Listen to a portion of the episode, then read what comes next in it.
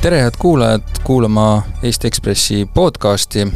täna on stuudios Eesti Ekspressi ajakirjanikud äh, Urmas Jaagant ja Herman Kelomees ning äh, äh, Salgast on selle juht Tarmo Jüristo. tere kõigile! tere! tere! ja eks me siis sihtasutusest Liberaalne Kodanik ja selle tegevusest räägimegi, Ekspressis ilmus siis Eero Epneri kirjutatud suur, ilma naljata suur lugu Äh, sellest, äh, mida ja kuidas Salk on enne valimisi teinud ja mismoodi see äh, ühendus üldse sündis, aga võib-olla me peaksime selle teema kohe sellest loost nagu kaugemale tõmbama, et, et me oleme näinud ka siin esimesi reaktsioone sellele mm, ka, olen näinud ka selliseid imestavaid pilke selle koha pealt, et kuidas siis nii, et üks mingi ühing siis toimetab mingite erakondade noh, ütleme siis kasuks, et öö, äh, otsib neile infot ja jagab seda ja kõigile ei annagi, osadele annab natukene, osadele annab rohkem, ise vaatab, kuidas teeb, et kuidas siis nagunii ikka saab mm,. Äh, võib-olla, Tarmo, sa selgitad siis natuke, et mm, miks te niimoodi teete ja miks te nii ebaõiglaselt äh, erakondade ringi, erakondadega ringi käite? Äh, no me oleme selles suhtes ju tegelikult algusest peale öelnud, mida me teeme, kuidas me teeme, miks me teeme ja selles suhtes mul endal veidikene äh, arusaamatu, et kust see suur üllatus äh, nüüd on, nüüd on tulnud, et, et me ütlesime seda kaks pool aastat tagasi, kui Salk sündis, et siis näiteks sellel hetkel on ju, oli tulemas see suur abielu rahvaküsitlus ja me ütlesime, et me ei lähe sinna tegema kampaaniat selle poolt, et et abielu võiks olla üks või teistpidi, on ju, eks, et me läheme, võtame ühe poole, me teeme seda ühte poolt, poolt äh, ja oleme seal referendumis, esindame, äh, siis äh, sellel hetkel oleks olnud ei poolel, eks. Nüüd, kui see referendum ära jäi, siis me ütlesime, et me jätkame täpselt sama asja, et, et me, me püüame tegutseda selle nimel ja selle suunas, et siis sellisel samal, sellel liberaalsel platvormil, mis oleks olnud aluseks ka sellel referendumil, siis ei poolel olemisel, oleks ettevaatavalt tulevikus Eestis suurem kandepind, et et äh, seal oleks nii erakonnad kui erinevad äh, muud ühingud, äh, huvikaitseorganisatsioonid, kes seal tegutsevad, et neil oleks, nende tegevus oleks tulemuslikum ja efektiivsem. ja see oli see, et, et kus me algusest peale oleme öelnud, et me oleme erapoolik, nii nagu erakonnad on erapoolikud. Me ei ole erakond, me ei taotle avalikku võimu, aga me oleme maailmavaateline ühi-, ühendus, mitte siis noh, ütleme näiteks võrreldes Praxisega, kus ma enne töötasin, mis, äh, mis siis vaatab, äh, töötab niisuguse üldise laiema avaliku hüve osas, me oleme algusest peale olnud erapoolik.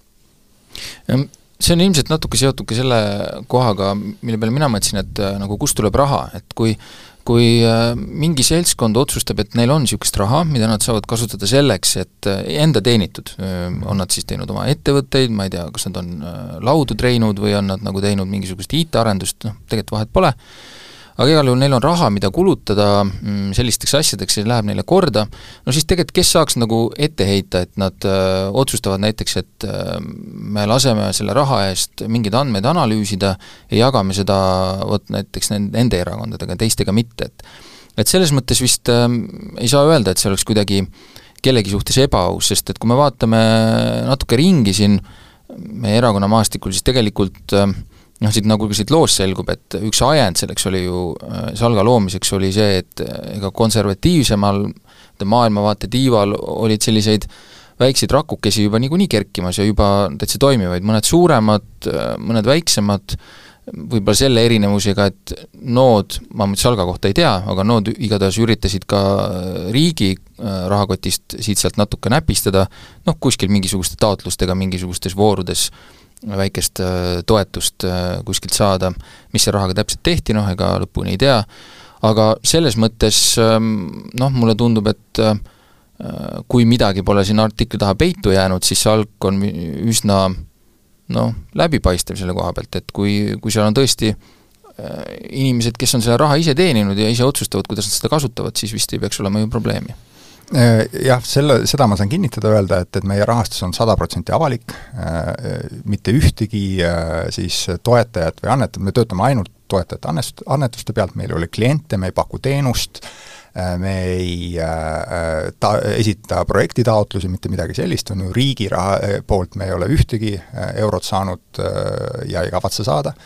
Ja, ja näiteks seesama annetuste poole pealt ma ütleks sedasama paralleeli, eks, et, et et erakondadele annetamine on ju täiesti okei okay,, et seal ei ole kellelgi seda tunnet, et, et kui keegi oma raha tahab annetada näiteks ütleme, Keskerakonnale, et ta peaks seda võrdsetel alustel annetama kõikidele teistele erakondadele, et, et see ju ei ole nii. ja, ja Salga osas on see täpselt samamoodi, et, et need inimesed, kes meid on toetanud oma rahaga, mõned toetavad igakuiselt niisuguse viie või viieteistkümne euroga, mõned toetavad korra või paar aastas suuremate summadega, et äh, siis äh, nad teevad seda omadel põhjustel, omaenda rahaga äh, ja meie oleme selle osas olnud kogu aeg sada protsenti avalikud, avatud ja kavatseme olla ka edaspidi. meil on nüüd tegelikult selles mõttes hea võimalus, et meil on stuudios ilmselt kõige värskem selle loo lugeja, et Herman,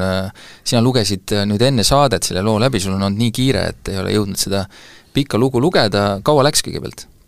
Ma läksin majast välja, istusin äh, pargipingi peale, võtsin korralikult aja selleks, et umbes poolteist tundi läks, mul oli telefoni akut järel kaks protsenti selle lugemise lõpuks ja mu esimene mõte pärast lugemist oli huvitav, mis selle CO2 jalajälg on, et äh, aga noh, kordagi ei olnud sellist tunnet, et äh, saaks see nüüd läbi, et tõesti väga hea lugemine. aga sisulise poole pealt, mis tekitas sul mingeid nagu küsimusi, et me siin ühte teemat jõudsime arutada äh,, aga laiemalt, et äh, sa oled ka poliitikaga nagu palju tegelenud, et kas see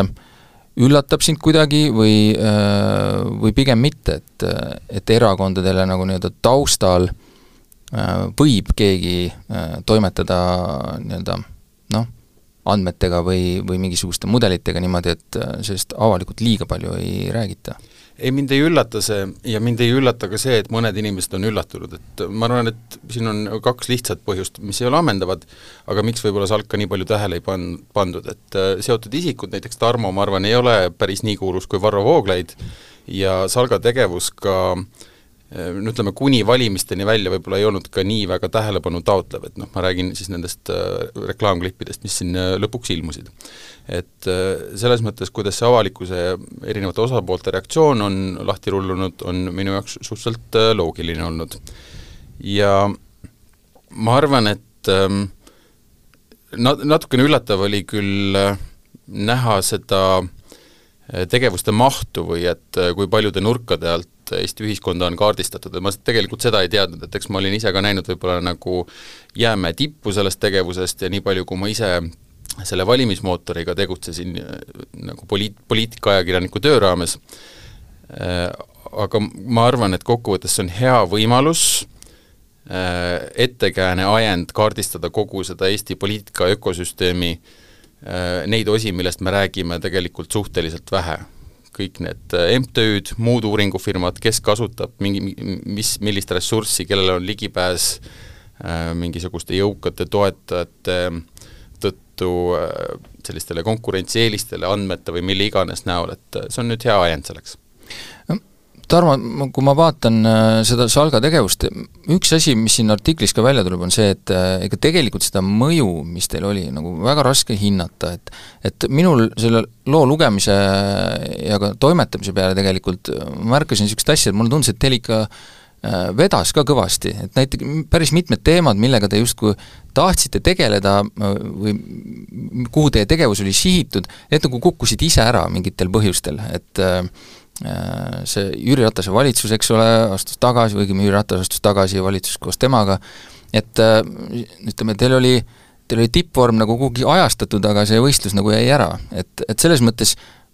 kas me saime ikkagi nagu lõpuni teada, mis mõju teil oli sellele valimistulemusele ikkagi? ma arvan, et seda ei saagi äh, selliselt, äh, selliselt teada saada. et see oli see, mida ma seal äh, loos, kui me Eeroga seda rääkisime, püüdsin, püüdsin omalt poolt ka öelda. ja siin, siin taga on tegelikult üks niisugune huvitavam, pikem, pikem mõtteviis, mis läheb natuke nüüd vaat nende kahe erineva statistikakoolkonna juurde ka, mida ma möödaminnes seal mainisin. meil ei ole ilmselt täna siin see õige koht seda hakata pikalt lahti pakkima, aga, aga see mulle tundub, et sellistes asjades üks väga oluline lähtekoht oleks see, et, et püüda lahti lasta sellest nagu deterministlikust maailmavaatest, sellest äh, vaikimise eeldusest, et sul on kontroll mingite asjade üle, illusioonist, et sul on kontroll min-, mingite asjade üle, mille üle sul kontrolli ei ole äh,. Sest lõpuks äh, noh, poliitika on ka niisugune hästi kaootiline, hästi juhuslik ja su-, suhteline asi, et igasugu asju võib juhtuda. ja, äh, ja, ja enamus nendest asjadest, mis juhtuvad, on väljaspool kellegi ühe inimese kontrolli nüüd parim, mis sa saad teha, on mingis mõttes, nagu sa ütlesid, oma vormi ajastada. See on, inglise keeles on see üks ütlus, et üheksakümmend protsenti edust on see, et sa oled valmis. et sa oled valmis sellel kohal ja, ja sa oled valmis erinevateks asjadeks, mis, mis võivad juhtuda. ja see oli üks asi, mida me püüdsime ise ka kogu aeg silmas pidada, et meie tegevused ei olnud suunatud mitte niivõrd eesmärgile, vaid noh, kasutades niisugust tehnilisemat terminit, olid pigem, me mõtlesime neist kui vektoritest et nad on äh, mingi suunaga asjad, et, et, äh, et me tegeleme nende asjadega, mis enam-vähem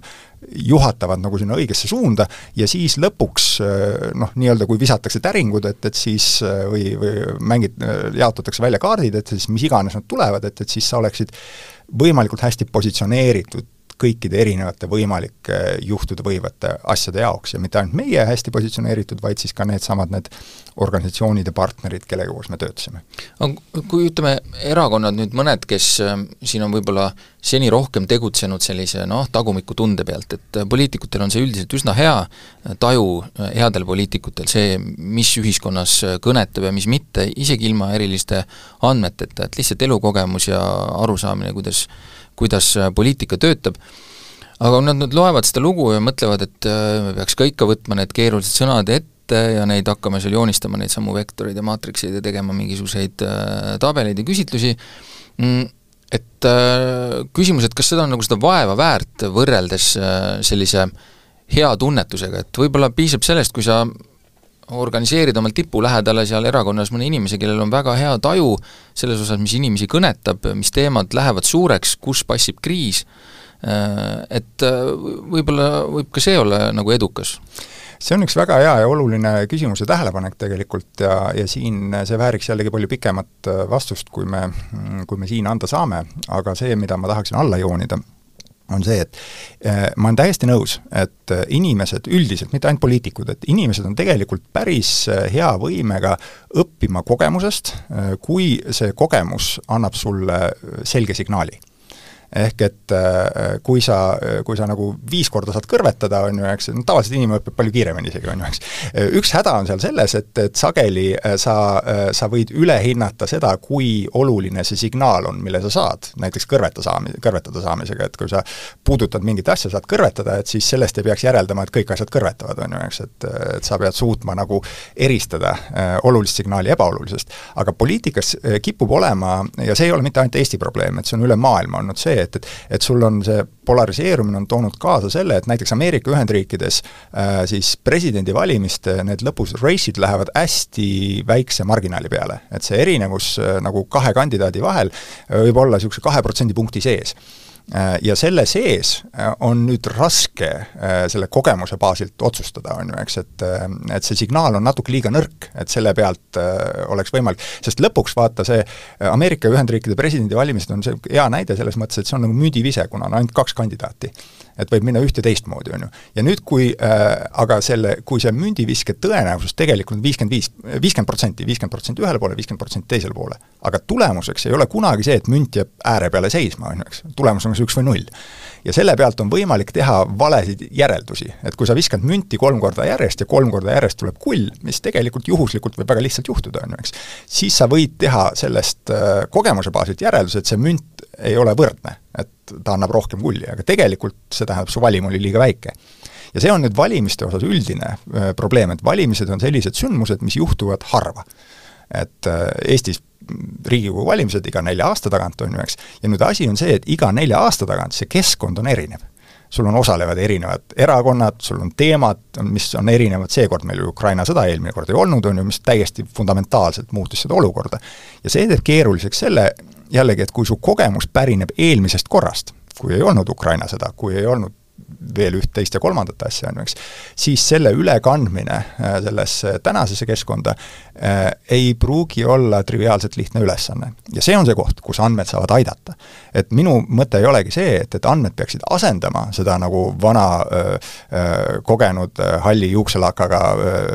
parlamendipoliitikut, on ju, eks, sellel on selgelt oma väärtus, need inimesed tegelikult on, ma, mul on väga suur respekt nende, nende hinnangute ja kõhutunde osas, aga mul on ka mingites kohtades üsna nagu põhjendatud arvamus, et see kõhutunne võib sind eksitada. see raha ähm, kui, kui ta oleks igal erakonnal kättesaadav sellisel kujul ja kui selline salgastumine toimuks Eesti erakondade üleselt, siis üks oht on ilmselt see, et meie poliitiline retoorika muutub kuidagi natuke selliseks puiseks, kus kõik üritavad seada sõnumeid siis selle järgi, et mis need küsitlused ütlevad, milliseid sõnu peaks kasutama, milliseid väljendeid peaks kasutama, nagu see natukene USA-s on ka juhtunud. Ja ja noh, Tony Blairi ja Bill Clintoni ajal hakkas see, see natuke nagu kerima, kus selle sõnumite seadmise ja kommunikatsiooni järgi tehakse terveid poliitikaid, mis mis ei pruugi võib-olla olla kõige parem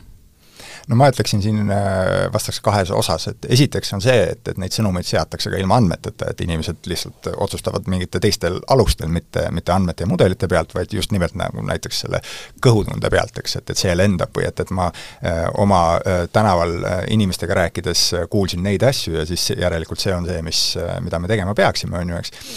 et see on, see on kogu aeg olnud. Ja siinjuures on veel üks eraldi probleem, et poliitikud üldiselt Äh, äh, ne-, inimesed, kes lähevad poliitikasse, noh siin võib veidike parafraseerida seda Martin Helme kuulsat ütlust, et kipuvad olema sotsiopaadid, on ju, eks ju, et oma võimeid ja, ja teadmisi üle hindama, aga, aga äh, tõsiselt rääkides, nad on erinev, erilised inimesed, kes lähevad poliitikasse, neil on oma mingi sisemine põlemine, tavaliselt enamus inimesi läheb poliitikasse ikkagi tegelikult siiralt tahtega maailma muuta ja neil on väga eh, noh, nagu selline noh, keskmisega võrreldes, mediaanvalijaga võrreldes väga selge ettekujutus sellest, milline see maailm ole, olema võiks, neil on sageli isegi ka oluliselt komplekssem see ettekujutus, ja nad tegelikult on väga nagu teist laadi, nad ei ole sarnased mediaanvalijaga ja see tähendab, et kui sa kuulad neid inimesi, kellega sa erakonnas koos oled, siis äh, sa äh, noh, seda erakonna inimesed ise tunnistavad, nad elavad omas nagu teatud mullis, et nad kinnitavad üksteisele seda maailma, mis on ja see võib olla väga erinev sellest, milline ta sellest mullist väljaspool on, on ja paistab. nii et see on üks asi, et ma arvan, et selle, äh, see on esiteks kogu aeg olnud,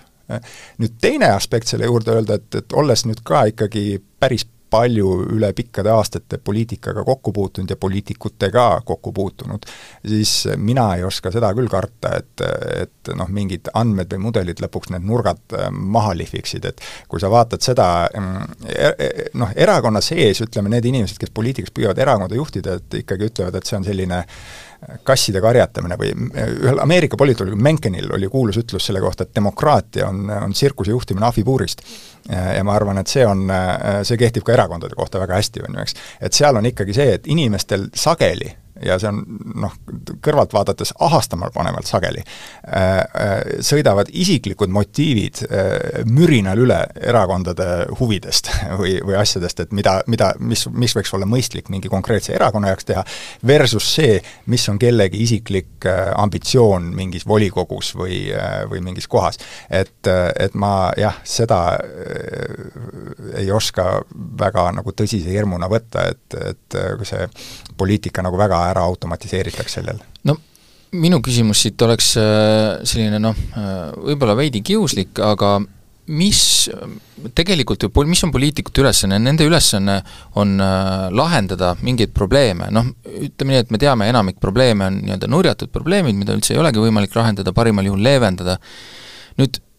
see, mida teie pakute, te ei paku ju erakondadele võimalusi neid probleeme lahendada, te ei paku neile ju tegelikult mingit uut lahendust, kuidas mingit, mil-, kuidas mingi ühiskonnas püsti oleva asjaga tegeleda, et et äh, mis kasu teist selles mõttes ühiskonnal on, äh, kui te tegelikult ütlete lihtsalt, et milliste asjadega maksab tegeleda ja mit-, mitte põhimõtteliselt, aga, aga poliitikute ülesanne on lahendada asju. selleks te ei paku neile tegelikult ju abi, või? Ei, see ei olegi meie asi pakkuda, et me oleme ikkagi lõpuks ainult äh, viis-kuus inimest, kellest äh, ainult mina töötan täisajaga, on ju, eks, ja äh, ja, ja see ei ole meie, meie roll ja skoop, et, et meie asi ei ole pakkuda lahendusi poliitikakujunduse probleemidele, selle jaoks on meil ministeeriumites tuhanded inimesed tööl väga hea hariduse ja väga hea palgaga, et selle jaoks on meil Riigikogu, et, et ja, ja mingis mõttes me oleme isegi vastupidiselt võtnud teadlikult selle joone, ma ise täiesti teadlikult hoian seda joont, see alati ei ole väga lihtne, aga ma hoian seda joont, et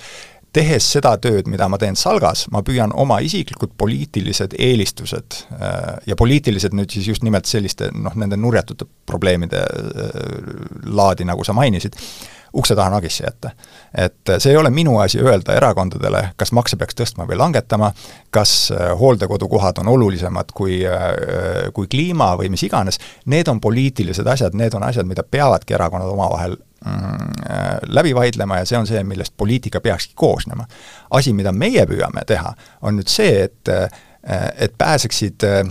neid otsuseid tegema inimesed, kelle maailmavaateline kompass on nii-öelda meie poolt vaadates äh, õiges suunas, on ju, eks. et, et nad, nad oleksid nagu mingisuguse üldise laiema liberaalse baaskonsensuse baasilt tehtud asjad. Sest teistpidi tehtud asjad, et siis noh, seal on, see on see, see ilmavaateline küsimus. ja nüüd siit selleks, et neid kõiki neid probleeme lahendada, mida sa mainisid ja ma olen täiesti nõus, et see on oluline, selle jaoks on vajalik, et sa pääsed valitsusse, sa pääsed võimule, sest kui sa oled opositsioonis, sa ei saa neid probleeme lahendada. Äh, ja nüüd meie nii-öelda noh, see, see ütleme, poliitiline kalduvus on võib-olla ju selle baasilt öeldagi, et, et meile tundub, et see üldises mõttes lähtekohtadena äh, oleks meile ka ühiskonnana parem, äh, kui neid probleeme püütaks lahendada pidades tähtsaks inimeste isikuvabadusi, pida, pidades tähtsaks, tähtsaks mingisuguseid noh, avatud ühiskonna printsiipe, seda, et me oleme osa Euroopa väärtusruumist ja kõikidest nendest asjadest, see on see, mille eest me püüame seista. No nüüd äh, see küsimus, mis saab edasi, et needsamad, äh, kes ei pääsenud siis võimu juurde, on nüüd juba leidnud, et midagi peaks tegema, nagu poliitikutel ikka, saab tulnud midagi teha, poliitik peab kogu aeg midagi tegema, on Helir-Valdor Seeder näiteks eile ETV stuudios juba leidis, et peaks hakkama arutama, kuidas peaks hakkama reguleerima. et mis siis nüüd sellest arvata, et noh, mingis mõttes veidi nagu liialdades, et teid tiriti natuke nagu peidust välja, noh kus, kus te nagu tegelikult justkui nagu ei olnudki, aga äh, nüüd on tekkinud osadel inimestel tunne, et teil äkki ikkagi oli mingi mõju ja mis siis nagu osadele võis anda siin mingi üle noh, sellise mingi jõuõla, mis siis selle, need viimased protsendid kuhugi ära kallutas, ja eks see reguleerimiskiht tuleb, et ähm, aga võib-olla see ongi õige, äkki peakski, et ähm, kuidas te seda vaatate, et, et nüüd mõni mõned siin äh, vaatavad juba sinnapoole, et mida saaks teha, et et äh, ikkagi see nagu karjakoppel kuidagi ära piirata? No mina olen omalt poolt algusest peale öelnud, et peakski, peakski reguleerima ja peakski rohkem, no ütleme, reguleerimise osas võib-olla siin äh, hoiaks natukene hobuseid enne, kui, kui see pilt veidi selgem on, et, et keda reguleerida ja mis asjades täpselt, on ju, eks. aga kindlasti peaks olema palju rohkem selles valdkonnas läbipaistvust Äh, et äh, see noh, nagu meil enne siin juba jutuks oli, et, et mida inimesed äh, oma ise teenitud rahaga, et kas nad annavad seda erakondadele või nad annavad selle Salgale, kes annab andmeid erakondadele, see on asi, mida ma ei arva, et peaks kuidagi keelama või piirama ja, ja mida lõpuks on ka väga raske teha, kui isegi keegi sellist asja tahaks. küll aga arvan ma, et see on täiesti fundamentaalselt oluline, see on ja noh, ma tavaliselt ei pillu seda sõna väga kergekäeliselt, aga ma ütleks, et see on tõepoolest julgeoleku küsimus, et, et me, meil on ühiskonnana ülevaade ja sissevaade sellesse, kes on need inimesed, kes meie poliitikat mõjutavad, milliste summadega ja millistel moodustel, milliste vahenditega nad seda teevad. ja meie oleme see, selles suhtes, kuna me tõesti peame seda oluliseks, oleme püüdnud seda ise ka algusest peale jälgida ja just nagu sa ütlesid, et, et et me ei ole kuskil olnud varjus, lihtsalt vahepeal keegi ei pööranud eriti tähelepanu, keegi ei tundnud huvi, et, et mida me teeme, et aga, aga jah, et, et me oleme tahtnud olla algusest peale maksimaalselt läbipaistvad, sest ma arvan, et see peaks olema üldine standard, see ei tohiks olla kinni sellest, et kas keegi tahab olla läbipaistev mul on senise poliitika jälgimise põhjal jäänud mulje, et tegelikult on suhteliselt väikese rahaga võimalik mõjutada poliitikat suhteliselt palju. see on minu jaoks see tuumprobleem, miks äh, minu jaoks oleks imelik käsitleda ähm, poliitika mis tahes pidi rahastamise küsimust äh, justkui sellise poliitilise sõnavabaduse või poliitilise vabaduse küsimusena, et, et seda peaks võimalikult vähe tegema sest see mõju on tõesti väga suur, ma olen nõus, et see on julgeoleku küsimus, see on ausa konkurentsi küsimus, see on küsimus sellest, ähm, kuidas meie kõigi elusid on võimalik mõjutada väga palju väga väikse hulga inimeste poolt. Ähm, nii see ilmselt ei tohiks olla ja jumal tänatud, et Helir-Valdor Seeder on nüüd siis, äh, on siis ka valmis rohkem tegema ja, ja aitab äkki meil kõigil siis kaardistada seda Eesti poliitika mõjutamise maastikku? jah, ma ütleks, kui mina seda eilset stuudiot äh, eile vaatasin, siis ma tundsin ka ikkagi suurt rõõmu selle üle, et Isamaa, kes siin eelmises valitsuses hoides äh, justiitsministri positsiooni paaril korral avalikult ütles, et see ei ole poliitiliselt prioriteetne teema, isegi kui ERJK on siis e-, Erakondade Rahastamise Järelevalve Komisjon on üheksa aastat valju häälega hüüdnud, et, et see on teema et neil oleks vaja rohkem, rohkem volitusi sisse vaadata asjadesse, kontrollida ja infot saada, isegi kui me jätame praegu mingite asjade piiramise, reguleerimise, keelamise kõrvale, on ju, eks. aga see on siiamaani ikkagi põrganud erakondade vastuseisu peale ja ütleme, tõele au andes ERJK poolt on see kommentaar olnud see, et, et siin ei ole ükski erakond äh, nagu päris äh, puhas selles mõttes, eks, et üldiselt kipub olema nii, et erakond, kes on opositsioonis, arvavad ikka seda rahastamise asja peaks hoolikamalt vaatama ja kes koalitsioonis või kes võimul on, siis arvavad, et ei ole seal praegusel süsteemil häda midagi, aga mul on suur lootus, et äkki äkki nüüd ikkagi muuhulgas siis ka kas või sellesama Ekspressi loo alusel äh, mõned inimesed mõtlevad ümber jääme siis vaatama, äh, tänaseks äh, on aeg läbi, äh, Ekspressi podcast õpetab, tänan stuudiosse tulemast Tarmo Jüristo, tänan Herman Kellameest, mina olin Ekspressi ajakirjanik Urmas Jaagant ja järgmiste kordadeni!